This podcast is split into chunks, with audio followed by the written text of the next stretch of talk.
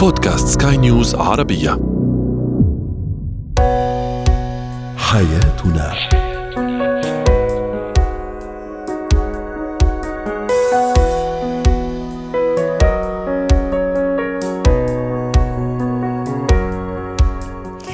معكم آسيا البشارة أحييكم وأرحب بكم في برنامج حياتنا. نناقش فيه حياتكم بكل تفاصيلها ومجالاتها. نسعد دائما بمشاركتنا آراءكم وتعليقاتكم على الرقم 00971 561 776 223 ويمكنكم الاستماع إلى البرنامج من أي مكان وفي أي وقت من خلال موقع سكاي نيوز عربية وباقي منصات البودكاست.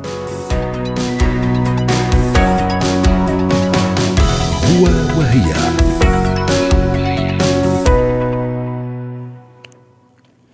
نتحدث بداية عن طرق التعامل مع الشريك المهووس بعمله الشريك المجتهد الطموح المحب لعمله.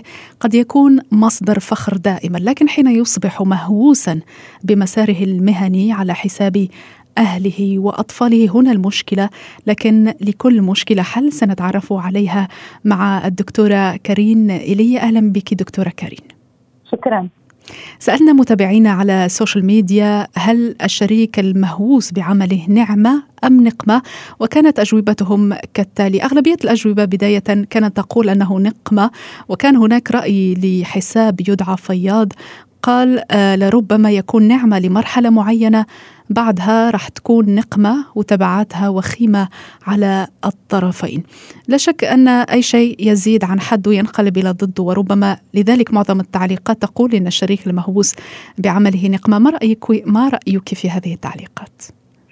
صحيح إذا بدنا نحكي على المستوى العلاقة بين الأشخاص وتحديدا بين الشريكين ومتطلبات الحياة اليومية الزوجية الالتزامات وغيرها حكما بس يصبح أو يتحول الشريك إلى شخص مهووس بعمله يعني دائما عم بيقوم بأفعال على حساب أفعال تانية وعلى حساب أولويات تانية.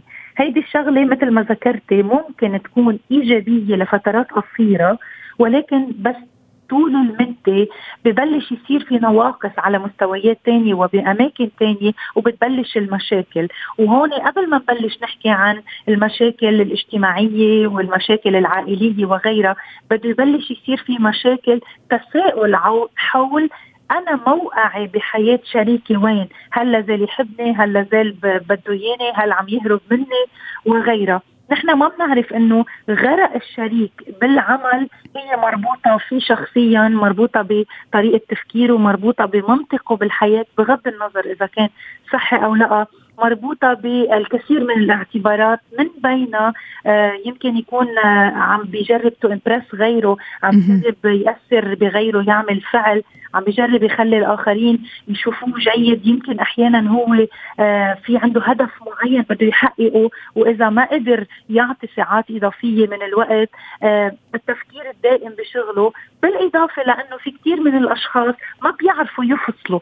بكل بساطة. يعني شغلهم بيتهم كل وقتهم مربوطين ببعضهم وما بيعرفوا يفصلوا إنه هذا الوقت هو للعمل والجد والتفكير بالشغل وبس كون بغير أوقات أنا لازم أكون عم بعطي نفس الأولوية نفس الاهتمام نفس المساحة للمطارح الثانية ومن بين العائله الشريك الأولاد والحياة التفصيلية.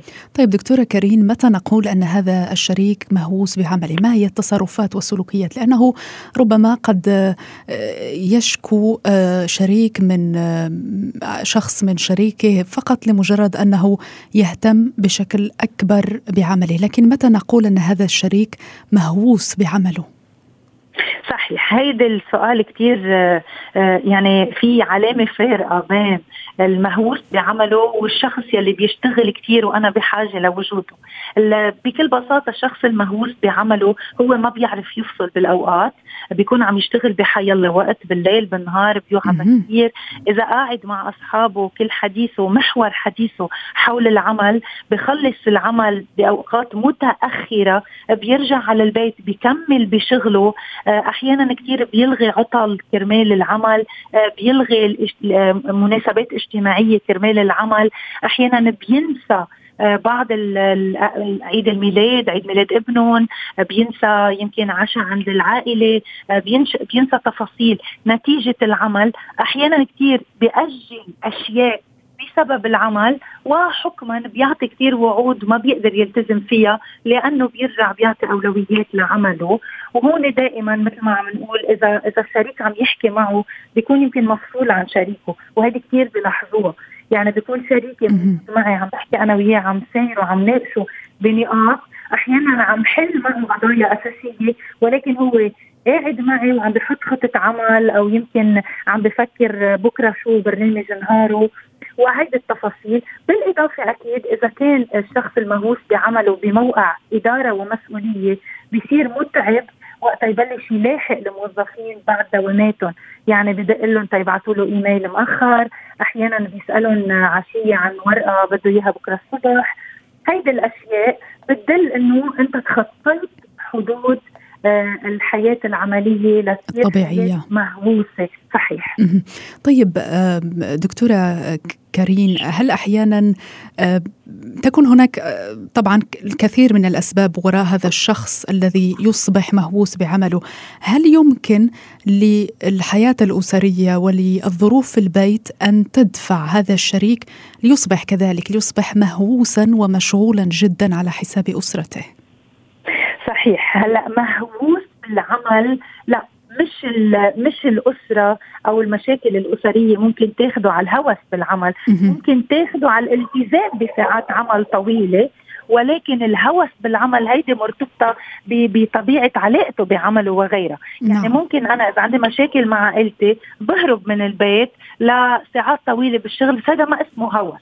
هيدا اسمه هروب من البيت للالتزام بعملي وغيرها.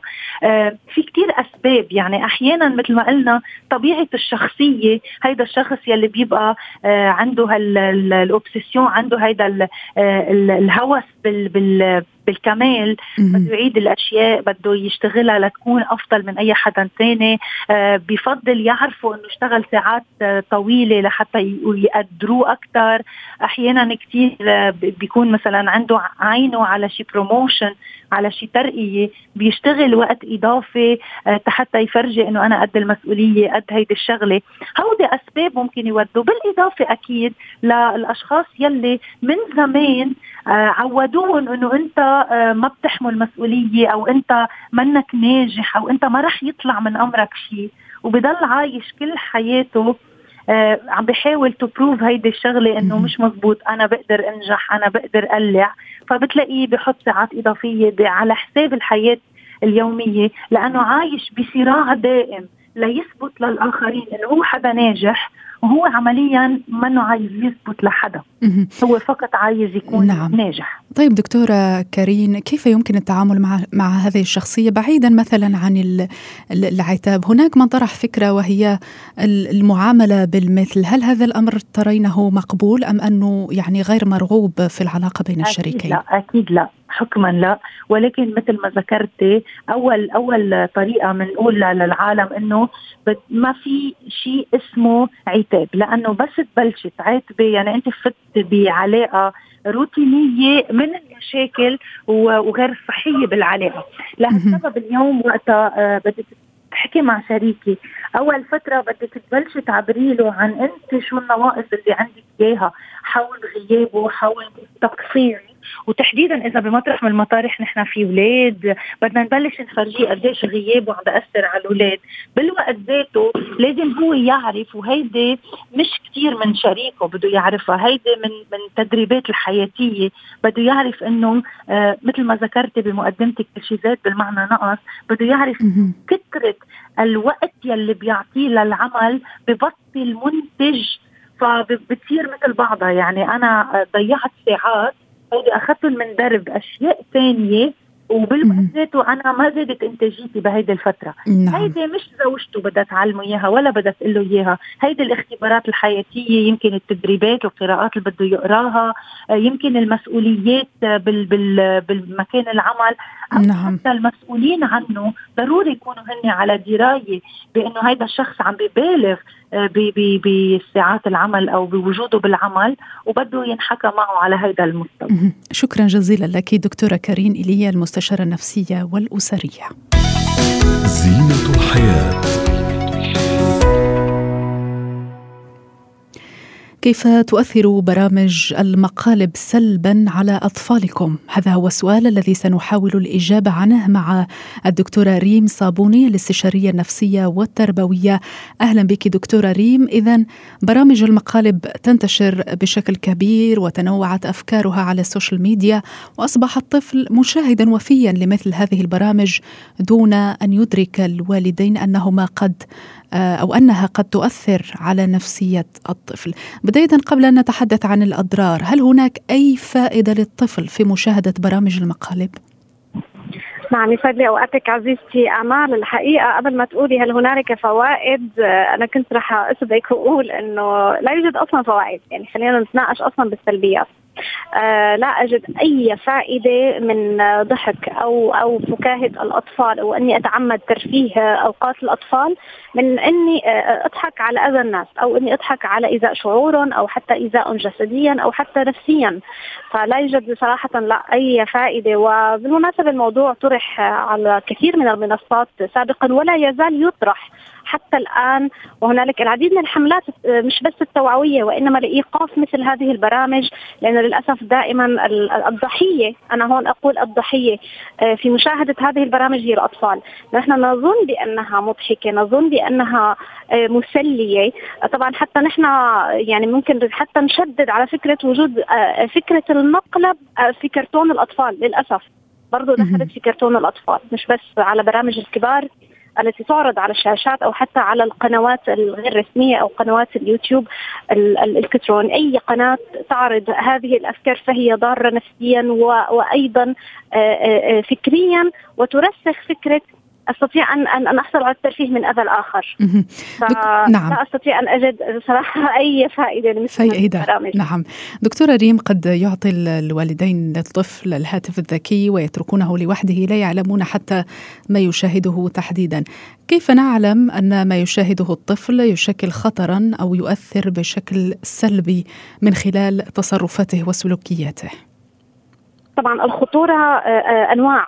هنالك خطورة نفسية هناك خطورة فكرية هنالك خطورة ثقافية هنالك خطورة آه، تصل إلى حد الإيذاء الجسدي آه، آه، ولكن دون رقابة اعلمي تماما أن الطفل سيتعرض إلى نوع من أنواع هذه الإيذاءات المتنوعة. دون رقابة دون أن أن أضع برامج حماية دون أن أراقب دون أن أحدد وقت أيضا للأطفال دون أن أكون أصلا أنا على اطلاع وموجود أصلا مع الطفل هو عم بيشاهد فقولا واحدا دون وجود هنالك العديد طبعا من التطبيقات التي تساعدني على الحد آه، من وصول الطفل آه، آه، أن أترك له المجال أو الفضاء مفتوح لكي يختار ما يشاء.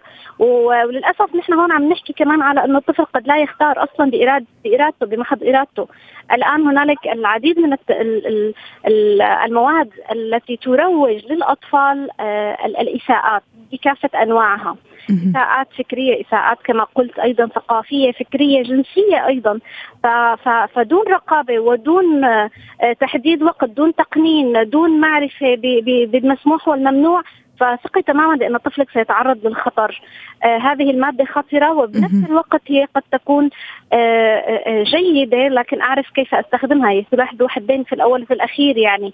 وهي شيء غير آه يعني آه، آه، الأداة أو الجهاز الذي يعرض هذه المادة هو هو هو مادة هو في الأول في الأخير يا أما أنا أحسن استخدامه أو أسيء استخدامه. والطفل أيضا لا يملك آه، القدرة على التفريق بين ما هو نعم.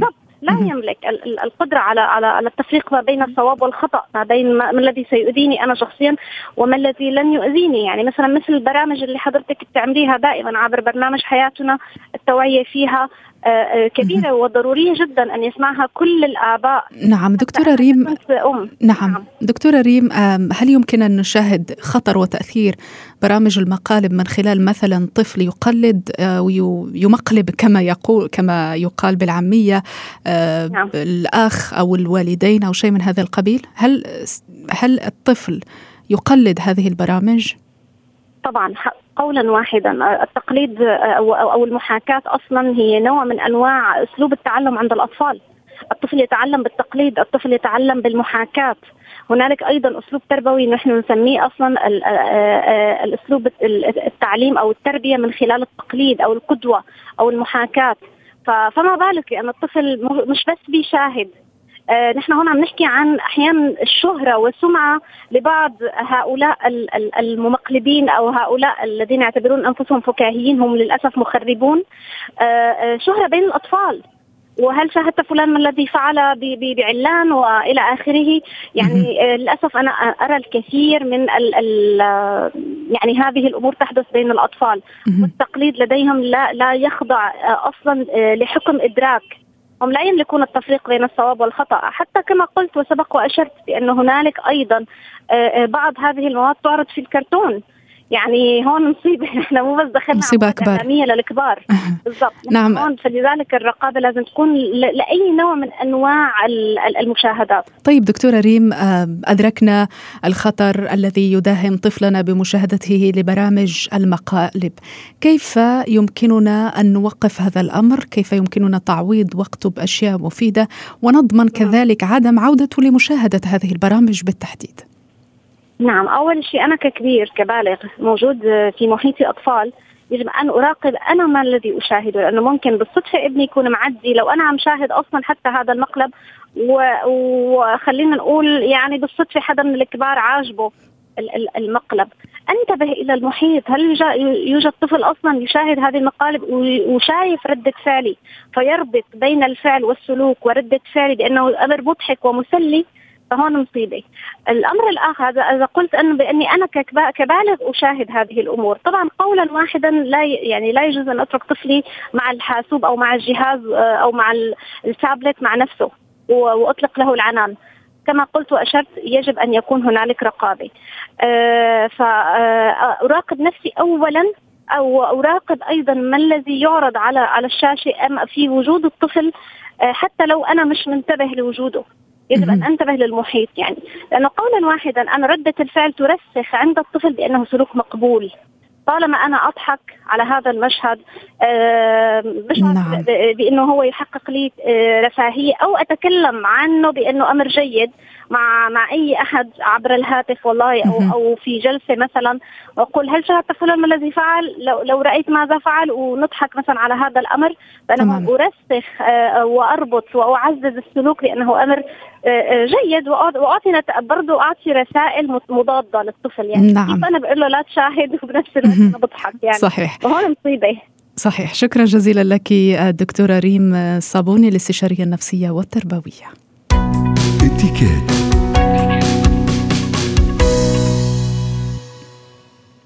تنضم إلينا الآن خبيرة الاتيكيت والبروتوكول الدولي دكتورة بلسم خليل. أهلا بك.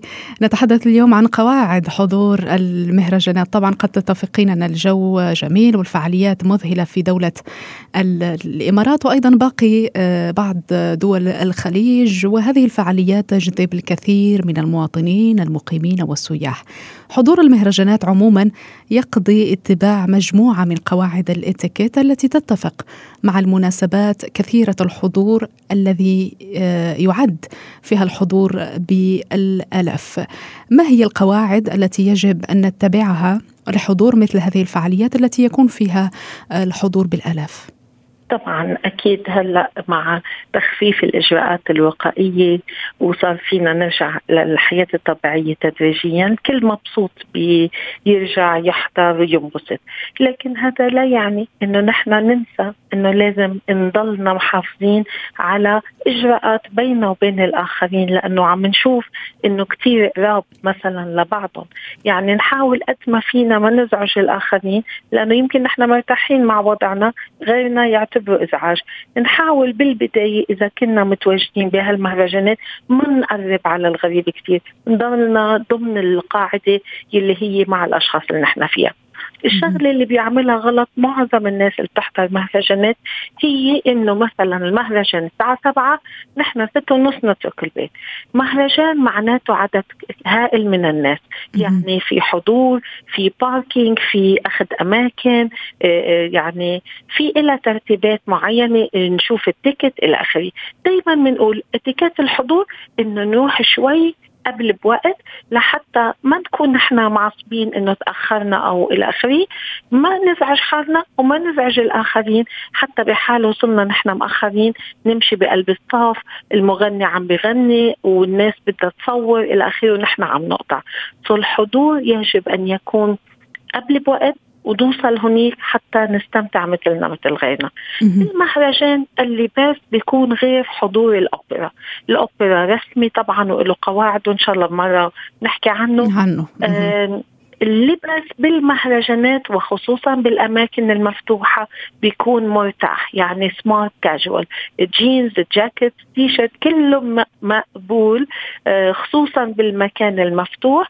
وهون بدنا نشدد على وخصوصا ب آه، يعني منطقة الخليج مثل ما حضرتك آه، تشرفت وقلتي إنه عم بيكون المهرجانات يعني هلأ ورا بعضها بتكون في مسافات يعني بدها تكون آه بدنا نمشي لنوصل لمكان المهرجان. نتأكد إنه الشوز اللي لابسينه يكون مرتاح حتى كمان الستات ما تنزعج ولما تعصب بتعصب غيرها هدول كثير كثير مهمين أول نقاط. نعم.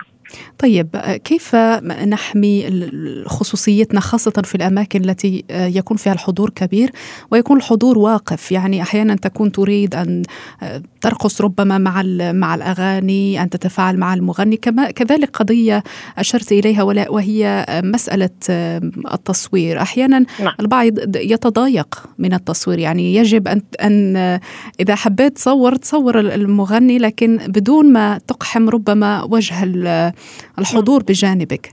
مظبوط. التصوير هو من أسس الأداة تبعه للأماكن العامة إن كان مناسبة زفاف مهرجان أي شيء إن كان.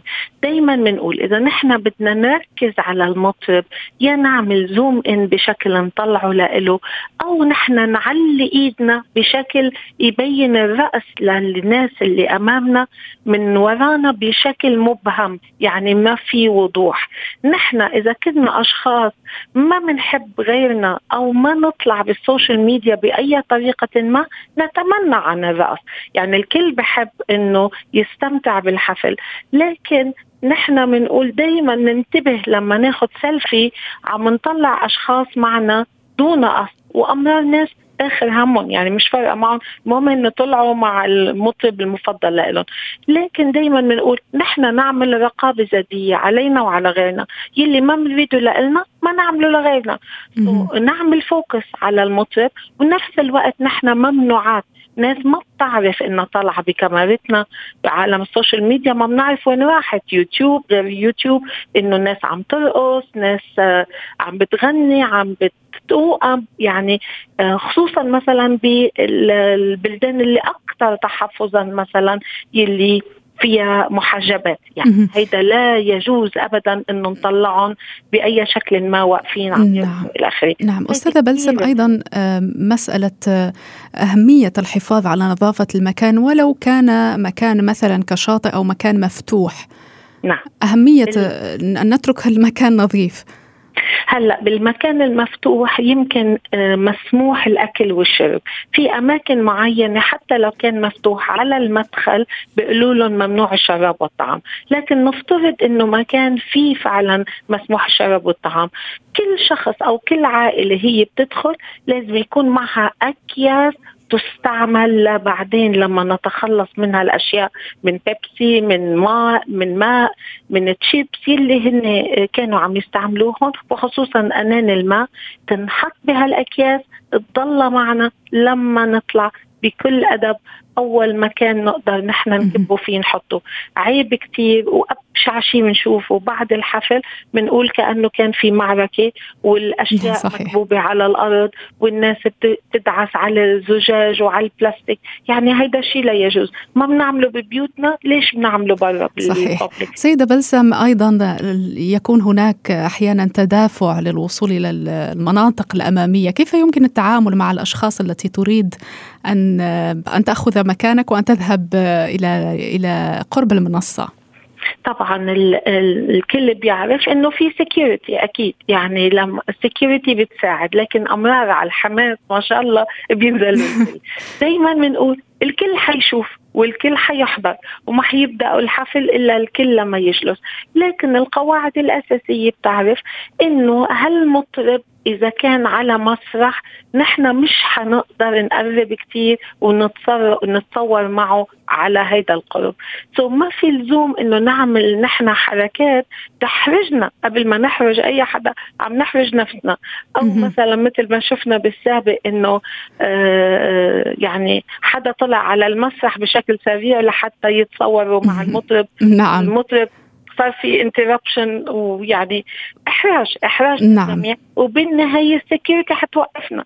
نعم ومن الأحسن تفادي كل الإحراج. شكرا جزيلا لك خبيرة الإتيكيت والبروتوكول الدولي الأستاذة بلسم الخليل.